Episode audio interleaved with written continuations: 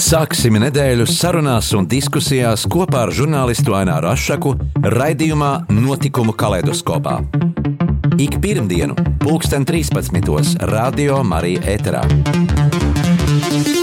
Tiksimies ar amatpersonām, interesantiem cilvēkiem, runāsim par aktuālitātēm un ikdienišķām lietām. Gaidīsim arī klausītāju jautājumus Radio Marija studijas viesiem. Ik pirmdienu, 2013. raidījumā Notikumu kaleidoskopā.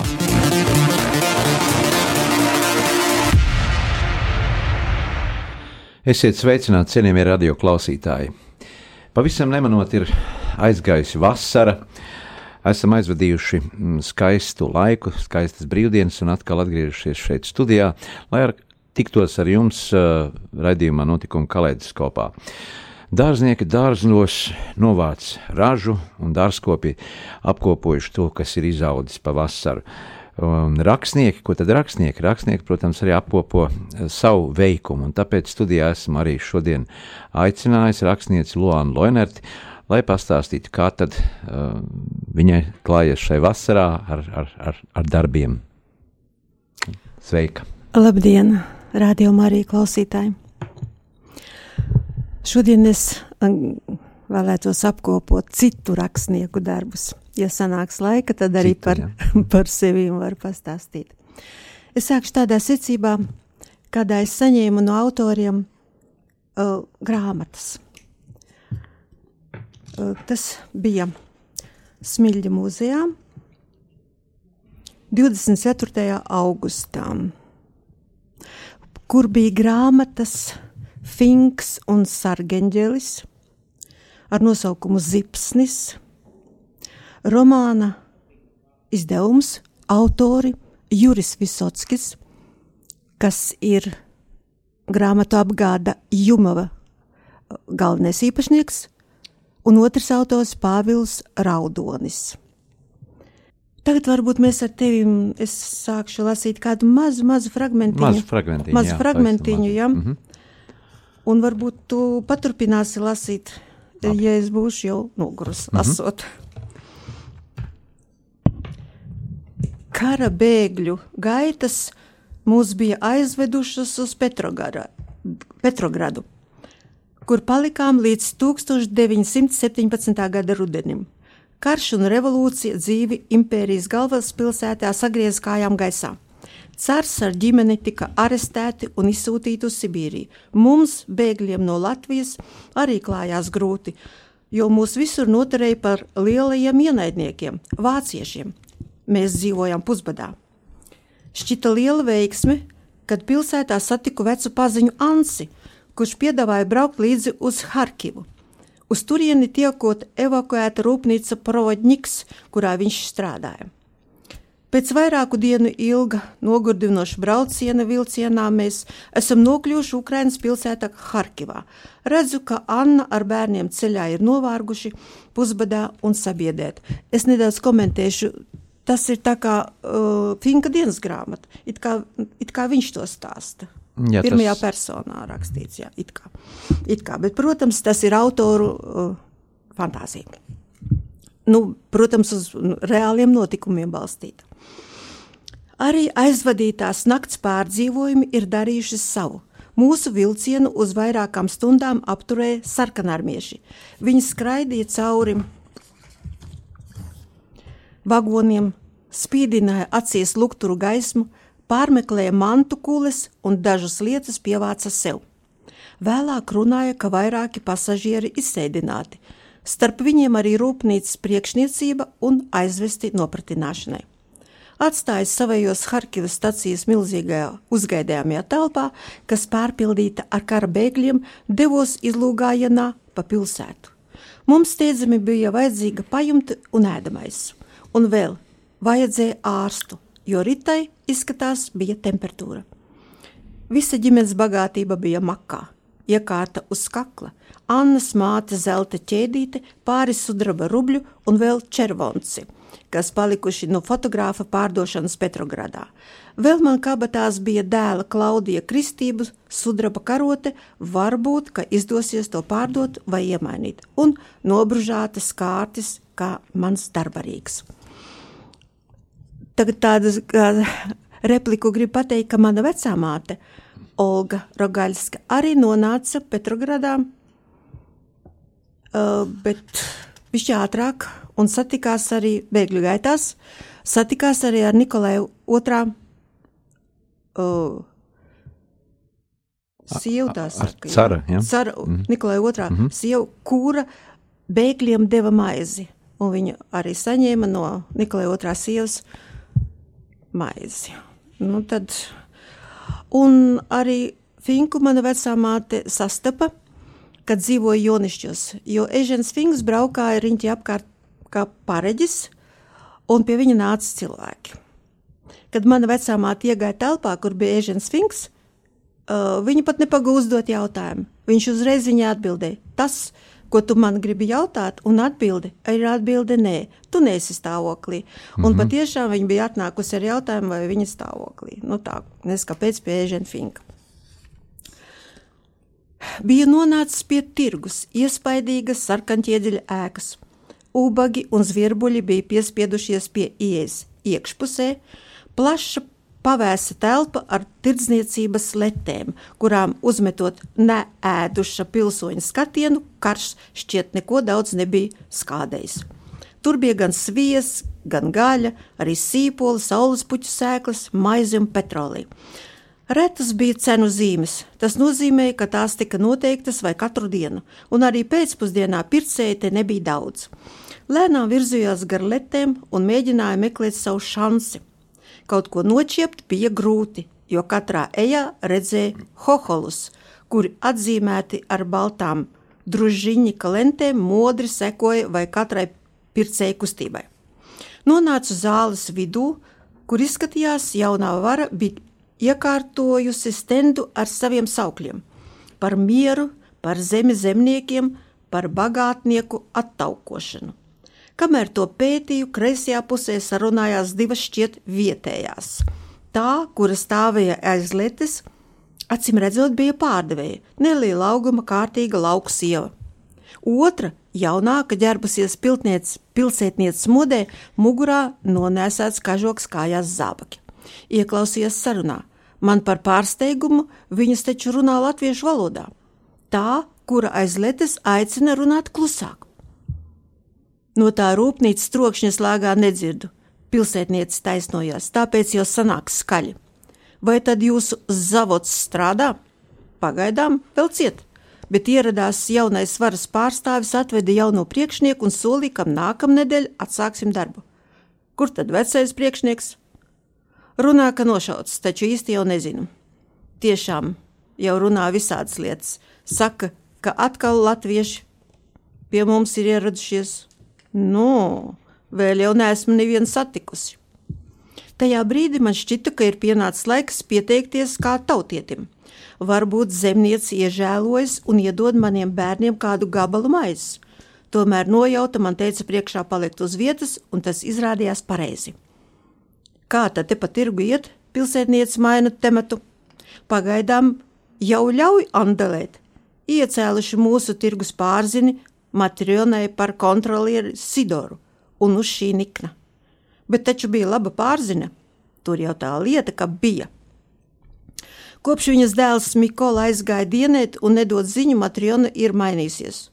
Domāju gan, re, kur viņa pati nāk, es nu labāk iešu. Vēl pēc īsa brīža pie manas zemnieces pienāca cits sievišķis. Aiz stenda jau īsti nevarēja saskatīt, taču skaidrs, ka tā bija jau pieminētā Matriona. Nu jau saruna notika krievu valodā un jāteic augstos toņos. Olga, es tev vakar jau teicu, ka jāatbrīvo puse letes. Kur es savu preci likšu, lai iet uz to galu, tur brīvvieta? Klausies, Olga, esam pazīstamas ne jau pirmo dienu. Matrona nolaiž balstoni zemāk. Es to daru arī tevis dēļ. Vai tu maz zini, kas jaunajai varējai ir kulaks? Kulaks ir kulaks, zemniece Olga naiva atbildēja un savelk roku dūrītē. Nu, re, tu pat to nezini, Matriona skaidro. Nu, labi, šeit nāks uz pusi tirgot Anastāsija. Sidors tā liek. Anastāsija, šeit es izlaidīšu, diemžēl, necenzētu vārdu. ar jūsu atļauju un ar autoru atļauju. To es neteikšu. Olga nu noskaišas. Matriona atmeta roku, tikai aizjot piesaka, lai rīt vieta ir atbrīvota. Man bija skaidrs, kas man jādara. Sekoju Matrionai, lai nākamajā brīdī viņu uzrunātu. Vai drīkst jūs traucēt? Matriona lēnām apgriežas un mani kārtīgi nopēta. Nu, ko tu vēlies? Viņa īkni jautā. Priekšnieks, es vēlos noierēt tur to būdu paviljonu stūrī. Es rādu kaut kur pa labi. Mums brīvvietu nav, Matriona noskalda. Kādu preci taisies tirgot? Nav man preču, gribu vietējiem piedāvāt zīlēšanu. Draudziņ, vai tu nezini, ka tas ir aizliegts? Un vispār, ko tu īsti māki? Matriona pagriežas uz promiešanu. Es varu izzīmēt, vai tavs Mikola ir dzīvs. Matriona pagriežas pret mani, viņas bālijos apaļojas vaigos ielīs sārtums. Viņa ievelk gaisu un ielūkojas man acīs. Vai tu zini mana dēla vārdu? Viņa izbrīnīti jautā. Esmu gaišredzis, varu izlasīt likteņus. Matriona kādu brīdi stāv un pārdomā dzirdēto, tad stingri nosaka: Nāc man līdzi balodīt! Pēc brīdiņa jau sēžam viņas nelielajā skabūzī, kas saldi smaržo pēc garšīgām lietām. Pa vidu mums galds, uz kura atrodas divi šķīvi, viens ar barankām, otrs ar žāvētu desu. Nu, sāc zīlēt, Matriona pavēl. Vai drīkstu? Es patiepu roku pēc desas šķēles. Ņem, ņem, tirgus pārzinēja iebildumu nav. Es pasniedzos pēc desas, un tā pazūd manā mutē. Kaut ko tik garšīgu nebija ēdis jau četrus kara gadus, šķiet, ka no labsajūtas paģīpšu. Ar lielu piespiešanos jau grūti bija atteikties no atkārtotas cienas, sāku likt kārtas. Kārts ar magu izlaica īstajā brīdī. Dzīves es iegavilējos, jo, pa, ja būtu nelabvēlīgs iznākums, es būtu sprukās. Jo viena lieta ir slepus noklausīties dēla vārdu, cita lieta šmaukties, likteni nosakot. Arī Matrionas svaipstos jūtams atvieglojums. Viņa pabīda cienas šķīvis uz manu pusi. Es sagrābju labumus, jau gribu bāzt butē, tomēr pārdomāju un ievīstu netīrā kabatlakatā. Kāpēc tu lietas kabatā? Redzams, tu esi visai izsalcis, Matriona noprasa. Man izsalkus sieva ar bērniem gaida stacijā. Nu, labi, balodīt, izliec man, kur mans Mikola atrodas. Samaisu kārtas un vēlreiz izlieku uz pelēkā galdota. Jā, mēs dzirdējām tādu mm, jau fragment pagaru no jaunās grāmatas, kā rakstnieki teiksim, veic šo, šo mm, panāk šo autentiskumu un kā viņi, viņi restaurē šos notikumus, lai tas būtu ticami lasītājiem. Jā. Tāpat arī filmās, protams, tiek restaurēti dažādi notikumi, kas asociējās ar, ar, ar konkrētu faktu, dokumentēti, bet nu, kā panākt šo autentiskumu? Arī tu grāmatas raksti par dažādām dzimtām un, un par, par, par, par notikumiem. Jā, es arī esmu gadus apmēram desmit atpakaļ uzrakstījusi grāmatu ar nosaukumu laikam Reiz Čigānijā. Latgals saga. Un, jā, daudz, bet taisni tādā grāmatā arī man ir par Ežinu Finku, un diemžēl man ir cita versija par viņu, ko tagad es te neizklāstīšu. Jā, kam tad ticēt, jo to versiju man stāstīja kā čigāniete. Un es domāju, ja čigāniete un Ežens Finks pa pusē čigānietis un čigāns, uh, varbūt viņas versija ir īsta, bet uh, grāmatu autori Juris Visotskis un Pāvils Raudons ļoti piestrādāja pie arhīva materiāliem, ļoti daudz pētīja viņa ceļus, viņa, kur viņš ir bijis. Un, ja dialogi ir tādi, kādi tie varētu būt, es domāju, ka abiem autoriem tas nāk no augšas, kāda tāda varbūt viņa nu, daudz studējuši. Pastāstiet, ko nozīmē divu autoru teiksim, sarakstīts. Ja katrs autors uh, savu tādu nodaļu rakstīt, ja, bet nu, teiksim, kopēja grāmata, tas ir kā. Nu, es personīgi rakstīju grāmatu kopā ar Zigurdu Bēnertu, un uh, viņš man piegādāja materiālu. nu, es atkal izfantazēju dialogus, lai būtu ticami, ka tā varēja runāt ar, vis, ar visā tādām intonācijām, ar tādu pieklājību vai nepieklājību, jā, vienā vārdā. Un, un tā sanāk, jo rakstnieks ir fantazētājs, bet ir jābalstās uz, uz īstiem notikumiem un nedrīkst būt falšs nedrīkst atkāpties no, no, no, no īstenības. tā fakta, īstenības. Ja? Jā. Un arhīvos ir atrodami šādi materiāli arī par katru uh, nu, teiksim, personību, cilvēku. Ja? Tad...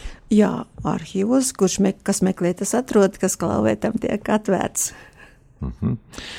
Bet tagad muzikālā pauzīte. Atgādinu, ka mēs šodien studijā sarunājamies ar rakstnieci Loanu Loinerti. Uh, un uh, arī ieklausāmies uh, dažādos uh, stāstu citātos arī no viņas kolēģu rakstītajām grāmatām.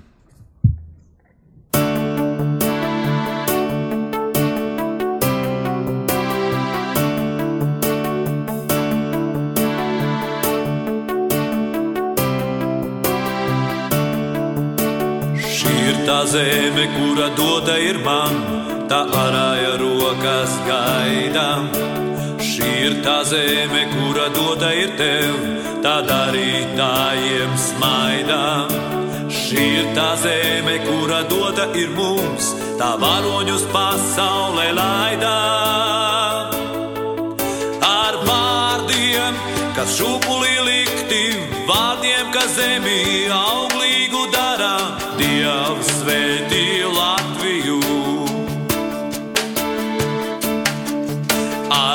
lūkšanu, kas nāk no sirds, kas sāpēs neļauj atkāpties. Dievs svētī Latviju.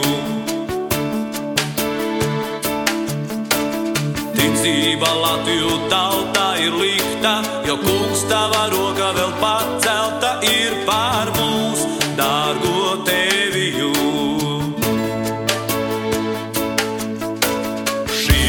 Zeme, kura doda ir man, tā arāja rokas gaidām. Šī ir tā zeme, kura doda ir tev, tā darītājiem smaidām. Šī ir tā zeme, kura doda ir mums, tā varoņus pasaulē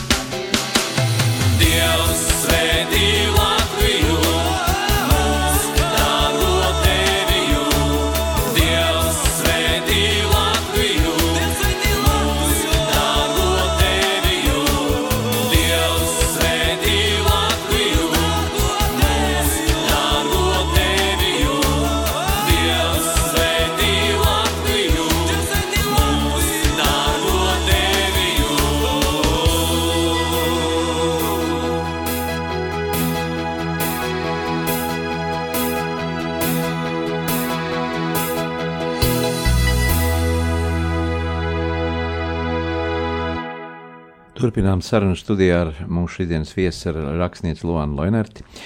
Uh, Loana, grāmatnīcās, uh, ja paskatāmies, ir tik daudz šobrīd grāmatu, dažādas. Katrai gaumei tās ir uh, gan bērniem, gan pieaugušiem, tie ir stāsti, tās ir ārzemju valodās grāmatas un, un, un plaši ilustrētas un nu, visiespējamākās. Visiespējamākās grāmatas var iegādāties. Agrāk, salīdzinot, tas nebija, nebija grāmatu plauktos. Kā tev pašai liekas, ka, ko no tā klāsta viss cilvēks var izvēlēties, vai tu neapjūts, ieejot grāmatnīcā? Jā, tev ir taisnība, tur var pilnīgi apjukt, jo grāmatas, diemžēl, ir arī diezgan dārgas. Citiem vākiem pat uh, nerunāsim, tas ir gandrīz nenopērkami daudziem. Lasīt prieks ir tikai tā, nu, jāiet uz bibliotekām, tur arī ir grāmatas, un arī to daudzi dara. Tā kā es gribu teikt, ka lasām grāmatas vēl. Lasam. Tomēr ir nemainīgas vērtības, un tā ir Bībele, tā, kas ar tomēr gadsimtiem ir kalpojis cilvēkiem lūkšanās. Bībeli jālasa katram būtu. Jūs arī lasat mājās, jā? Ja? Mans mazdēls eh, ļoti tic Dievam. Viņš spēlē bulduru baznīcā dievkalpojumu laikā katru svētdienu. Un mācās muzikas skolā. Mācās muzikas skolā. Viņš spēlē jau otro gadu Bulduru baznīcā. Un, cik zini, arī jau ieguvis ir dažādas starptautiskas lauras, pastāst par tiem šopavasar. Jā, viņš mācās uh, Lietuviešu vidusskolām un divas reizes, nu, praktiski trīs reizes, pirmo reizi attālināti Londonas konkursā piedalījās, kur piedalās no visas pasaules lietuviešu jā, no visas pasaules lietuviešu skolām. Viņš bija Londonā, tā tad attālināti. Viņš dabūja pirmo vietu klavierspēlē. Uh, nākamajā gadā viņš jau bija reāli Londonā, un tur viņš dabūja Grand Prix. Un šogad arī viņš bija Londonā. Mhm. Tev uz galda vēl viena grāmata, Saulīte plaukstās, dzēniece Rasma Urtāne. Uh, varbūt par šo grāmatu, ko, cik nozīmīgi tev tā? Ziniet, es esmu visu mūžu strādājis grāmatniecībā, un kad paņemu rokā grāmatu tādu kā šī, kur katra lapa ir krāsaina, ja? tas ir tāds skaistums, vāki biezie. Un mani uzaicināja Čengaraga filiāla biblioteka 30. augustā uz dzēnieces Rasmas Urtānas grāmatas prezentāciju. Tur es arī dabūju tādu, tādu neprastu stāstu, no, dzirdēt no Rasmas Urtānes. Es viņu pirmoreiz satiku kādus desmit gadus atpakaļ, tieši tādā pašā vietā, Čengaraka bibliotekā. Un tagad pēc desmit gadiem atkal mēs satiekamies. Teiksim, ka viņa gandrīz nebija mainījusies. Un šī grāmata ir burvīga no sava, kā saka, izdevuma, kā izdevums. Ja? No ārējā veidola. No ārējā jā. veidola iekšā katra grāmatiņa un arī dzēja ir. Uh, un viņi man mums visiem stāstīja par savu dzīvi. Un arī viņas dzīve, es domāju, ne katrs var būt tāds, kāda ir viņa viņai ir pieci bērni un trīs pieņemti. Un viens vecākais dēls tagad viņam šeit ir. Tāda cepta, es aizmirsu gan nosaukumu, bet diezgan populāra. Jā, reklamēsim. Jā, arī tāpat tā es aizmirsu. Jā. Otrs dzīvo Vācijā. Un viņš ir precējies ar sievieti, kurai ir divi bērni un viņiem pašiem savu bērnu nav. Un tad viņi stāsta mums, ka nu, vienu gadu nav otru, un viņa nonāk šauļos, rasmurtāni šauļos, iet baznīcā un ļoti stipri lūdz Dievu, lai Dievs dod viņiem bērniņu. Un viņa laikam vēl uz altāra atstāja noņem no kakla savas greznās krelles. Viņa vienmēr tādas lielas, smagas krelles nesā, tās viņas tur atstāja. Un viņas saka, pēc deviņiem mēnešiem viņiem piedzima bērniņš. Tas ir ticība dievam, tā bija, var teikt, pārdabiska ticība, ja? un ka tas piepildījies ir. Nu, un es domāju, ka cilvēks ar lielu spēku, ar savu ticību panācis to. Tas ir apliecinājums šai realitātei. Jā, jā kaut arī tā varbūt kas tic, kas netic, lūk, tā visādi ir. Un ir arī viņai jauka dzēja. Un varbūt tu nolasi, te ir, te ir tāds par tavu tēmu, par mūziku, šādu dzējolīti. Jā. Vai arī man reiz tecēs piena upes vai lepotrīs krastos saldas kūkas plauks, jeb lēmts man mūžam tukšas smiltis sijāt, kuras sūrā darbā uzplauks ābeļdārs, bet ābeles plauks katru otro gadu, tas tukšais vējā smilšu rozes vērps. Un krusta kapās maigās lapas zaros, pēc gada dārzi atkal uzziedēs. Vai es kā ābele pēc gadiem spēšu ziedēt, vai manas saknes jaunas asnas dzīs, ir cerība, ka manos bērnu bērnos kāds paša augļos mani saskatīs. Tur ir vēl viens, vēl viens zejols. veltīts. Profesoram Ventam Zilbertam uh, veltīts zejols, tad muzikas akadēmijas profesoram nolasīšu arī šo. Tīkama skaņa no trauslākās stīgas izskan, virmo gaisā un pamazām skaļāk, jo skaļāk trīc. Pianists sirmais pie dvēseles pieklauvē klusi, taustiņu ritms tik mainīgs, spēcīgs un atraisīts. Skaņas plūst straujāk, visuma plūsmai liek vibrēt, dvēsele vējam steidz pretī un smildzīgi dzied. Skanošie ziedi kā ābele ziedonī nobirst pār zemi, spēlējiet mākslinieki, sajūtas iekustiniet. Valsts vai tango vai apsvējā čaukstošās lapas pieklauvē sirdī dziesmas steidz augstumos celt. Zied mana dvēsele, dzied manī šūna ikviena, mūžam skanēt tai dziesmai, kas laikā spēj pastāvēt. Nu, ja mēs te pieskaramies tai mm, mūzikai, tad eh, nu, aizdītā vasara bija ar mūsu dziesmu svētku 150 gadi. Vai tu arī sekoji līdz šiem notikumiem, klātienē, neklātienē, mazliet? Es ne tikai sekoju, bet arī piedalījos konkursā. Mm, apvidus stāsti. Man bija jau gatava grāmata uzrakstīta kopā ar uh, Zigordu Beinertu. Un uh, izdevniecība Jumava piedāvāja piedalīties apvidus stāstu konkursā. Bet tikai bi- bija jāuzraksta vairāk par meža parku. Tad es arī rakstīju par meža parku. Ļoti īsā laikā mm, par lielo estrādi, par arhitektiem, kas to būvējuši, par to ietilpību, kas tur vēl dziesmu svētki nebija sākušies, kad es to rakstīju. Tā tad par to cēlumu, par visu, kas notiek, bet man jāatzīstās, ka es šajā konkursā nevinēju. Un kāpēc? Es to vēl neesmu noskaidrojusi. pastāsti. Nav laika. Jā, bet nu, tam nav nekādas nozīmes. Vinēja, nevinēja, galvenais piedalīties. Nu, tā, un es arī dzēju rakstu pa dziesmu svētkiem. Jā, ah, jā. Uh, Rauls Adrians uh, bija dziesmu svētkos. Tas bija, mm, tas nebija noslēguma koncerts, tas, tas bija kora, varbūt atceries kora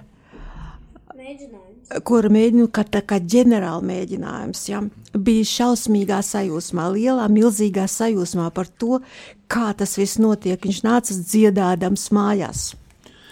Nu, šo, šogad tieši īpaši par dziesmu svētkiem bija ļoti daudz dažādu viedokļu tieši no lauku ļaudīm, ja, ka tur dziesmu svētkos uh, nu, tās biļetes netiek dotas tur tik daudz, cik tur ielūgumi dziedo, dziedātājiem, un, un, un šīs apkalpošanas servis bija diezgan nu, sarežģīti dārgs. Uh, nu, kāds ir tavs viedoklis? Vai tam var piekrist vai nepiekrist? Jo, ja atceramies teiksim, nu, tos sociālismu laikus, kad viss tika finansēts varbūt no, no kopējā lielā katla, tad šobrīd tomēr tā ir izdzīvošana, bet vai arī te neslēpjas kaut kāda nu, liela peļņas gūšana? Teiksim tā, mēs dzīvojam gluži citā laikā un laikmetā. Ja? Tas ir pavisam cits gadsimts. Es esmu bijusi gandrīz visos dziesmu svētkos, arī padomju laikā. Jā, dziesmu svētki bija toreiz, mm, man liekas, ka pat pa brīvu. Nu, tautai pieejamāki bija.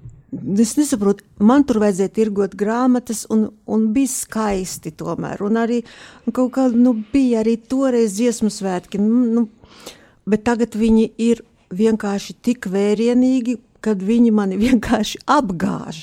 Ja? Tas daudzums, tas cilvēku tāda. Tā nāk man virsū personīgi ar lielu enerģētiku. Ja tā ir laba enerģētika, tad ir labi. Ja? Bet ar, nu, viņi jau ir labi, ja tas spēks ir liels. Nu, arī var, var, var nedaudz um, pabrīnīties par to, ka latviešu kopienas tik daudz atbrauc no pasaules. It kā šie cilvēki ir nu, devušies projām no savas dzimtenes, no Latvijas, un tomēr viņi šādos dziesmu svētkos sabrauc un viņus vieno kopīga uh, dziedāšana, dejošana un šie lielie svētki.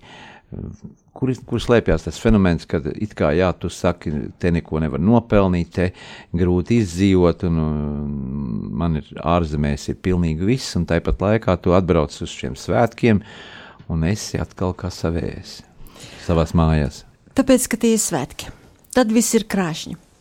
Bet pēc svētkiem, tādiem šausmīgi lieliem, paliek tāda tukšuma sajūta. Vismaz man. Visi ir prom, ielas tukšas, vairs nekā nav. Pārāk kontrasts strauši. Ja? Tu esi atkal viens, kas saka savu problēmu. Uz to brīdi viss ir jauki. Jā. Svētkos um, nu, par jauno, jaunmodīgo mūziku varbūt dažiem šķiet, ka teiksim, šie svētki ir uh, mazliet atgājuši no tās uh, senatnes, no pagātnes, bet varbūt ir jābūt mūsdienīgam repertuāram un mūsdienīgu pieskaņu. Jā, nu mēs, kā teiksim, pagājušā gadsimta ļaudis. Mēs jau, kā saka, nostalģiski domājam par tiem laikiem, kad bijām jauni. Ja? Pie tiem aranžējumiem un pie tām uh, muzikālajām tiksim, vērtībām pieturējāmies, klasiskākajiem. Jā, teikt. bet, zinat, vajag iet laikmetam līdzi. Tagad ir cits laiks, cit, cits ritms, cits solis, ja? un var, vajag pārveidot, aranžēt, stilīgam būt, visā veidā, visā domāšanā savādākam, ja, un tur neņaudēt par kaut kādu pagājušo dzīvi, kur bija tik labi. Teiksim. Tagad arī labi, tikai jāprot saskatīt. Saule spīd, maize ir, ūdens ir, ja, nu varbūt vēl kaut kas, vēl kaut kas. Nu, te mēs dzīvojam tādā vietā. Un tomēr var apbrīnot, ka mēs varam arī sanākt mūsu koris, tas ir pasaules fenomens, un UNESCO arī ir ierakstīts, uh, dziesmu svētki ierakstīti kā tāda liela pasaules vērtība, uh, kas ir neatņemama Latvijas uh, nu, vizītkartes sastāvdaļa. Bez tā jau tagad mēs nevaram, tā kā mums jāturpina, tas viss jāturpina, un tas nemaz nav tik vienkārši un nav tik viegli, un ja mēs to darām visi kopā, tad mēs esam vareni. Jā. Par taviem nākotnes plāniem, ja iecerēm, ko tu kā rakstniece nu, gribētu vēl, vēl paveikt tagad, turpmākajos gados? Es drīkstu nolasīt dažas dzējolīšas. Jā. Esmu sākusi arī dzējot pareizāk dzēju rakstīt. Nu, pat kā beigušies uh, dzējas dienas beigušās, jā. Tā tad atskaņas no dzējas dienām, bet šī dzēja man, uh, es sāku rakstīt 22. gadā. Pandēmijas laikā. Jā, kaut tad nāca dzēja, un es par to brīnījos, nekā dzēniece es neesmu. Ā, par to, ka es neesmu dzēniece, es šeit, es uzrakstīju pat dzēju. Es dzēju rakstīšu tūlīt, kaut neesmu dzēniece nemaz.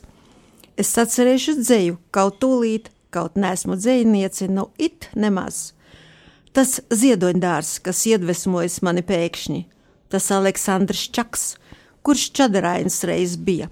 Viņš strēlnieks sarkanais, starp skartiem mūžībā viņš bija. Kluss šobrīd ziedoņdārs, tik Aleksandrs Čaks, kalts akmenī caur akmens briļu ietvariem no mūžības uz mani lūkojas. 21. gada 10. septembrī, un tagad ir 22. gada 12. marts. Dzimteni. Par savu skaisto dzimteni es dziesmu teikšu, un savus draugus laipni tajā sveikšu. Tie trauks no tālienes kā putni balti, bet es tos gaidīšu pie durvīm stalti. Par savu skaisto dzimteni es dziesmu teikšu, par zilo jūru, zaļiem laukiem teiksmas teikšu un draugu acīs redzēšu es jūsmu, kur ne, ko nevar sajaukt ne ar kādu plūsmu. Par savu dzimteni es dziesmu teikšu, kur daudzas tautas simtgadēs jau dzīvo. Šad tad pa kādam šerpam vārdam izprūk tīklos, bet sirdī tik un tā viss mīļi līksmom.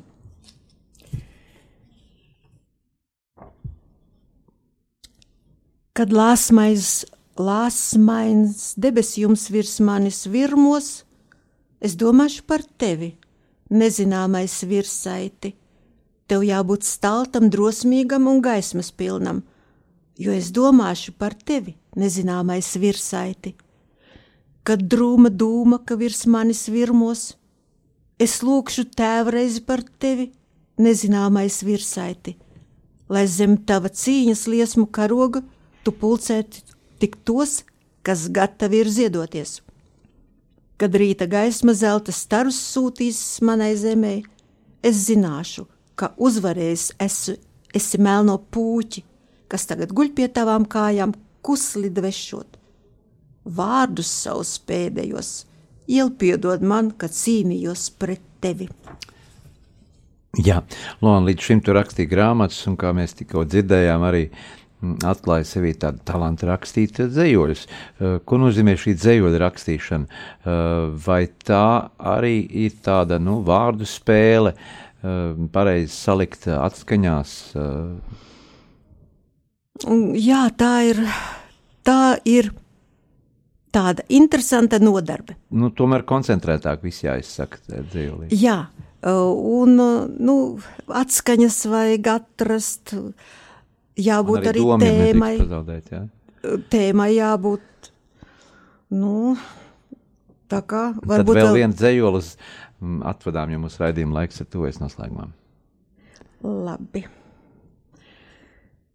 Lieta tā, kad es sāku rakstīt pēc 22. gada 24. marts, nu, un varbūt kāds no ita man uzšķīries zējolīts nolasīšim pie ezera atpūtu rodu pa brīdim, no ezera dūma, kad ceļas ik brīdi. Te pasaku tēli gar ezeru līksmo, man patīk šī mistika, migla un tēli. Kāds neparasts troksnis pie ezera šodien. Tā duna no tālienes modina mani. Es sapņains un atslābis biju tik ilgi, es laimīgs un paēdis biju pār mēru bet šodien tā duna no tāluma, tāla, līdz manim kā indīga čūska jau lien. Pie ezera šodien nav labi nudien, jo čūska šņāts ausīs tik asi, tik baisi. Jā. Nu, mums raidījuma laiks tuvojas noslēgumam, un kāds ir tavs novēlējums mūsu, mūsu klausītājiem? Vislabākie, visirsnīgākie novēlējumi no Mānis Loanas Loinertes Radio Marijai. Mana mazmeita šeit visu šo brīdi ir klāta. Nensija Gīriču austiņas uzlikus, vai viņa tur kaut ko dzird, es nezinu. Varbūt dzird. Un viņa arī ir priecīga un laimīga, kad ir tādas Radio Marija, o, kur var veldzēt dvēseli. Veldzēt dvēseli, paldies! Gribētos novēlēt arī ikvienam mūsu klausītājam, uh, lai šī dvēseles veldzēšanās uh, gan dzējā, gan arī lasot tādus nopietnus stāstu krājumus, gan arī lūdzoties ikdienā. Lai visiem ir uh, svētīgs šis septembris un izdodas dārzos arī novākt ienākušos ražu, kāda jau tā ir. Un atkal tiksimies nākamajā reizē. Paldies, Lorija, kāda atnāca uz mūsu raidījumu. Paldies! Sāksim nedēļu sarunās un diskusijās kopā ar žurnālistu Aināru Rošu raidījumā Notikumu kaleidoskopā. Ik pirmdienu, 2013. Radio Marija Eterā. Tiksimies ar amatpersonām, interesantiem cilvēkiem, runāsim par aktuālitātēm un ikdienišķām lietām. Gaidīsim arī klausītāju jautājumus Radio Marija studijas viesiem. Ik pirmdienu, 2013. raidījumā Notikumu kaleidoskopā.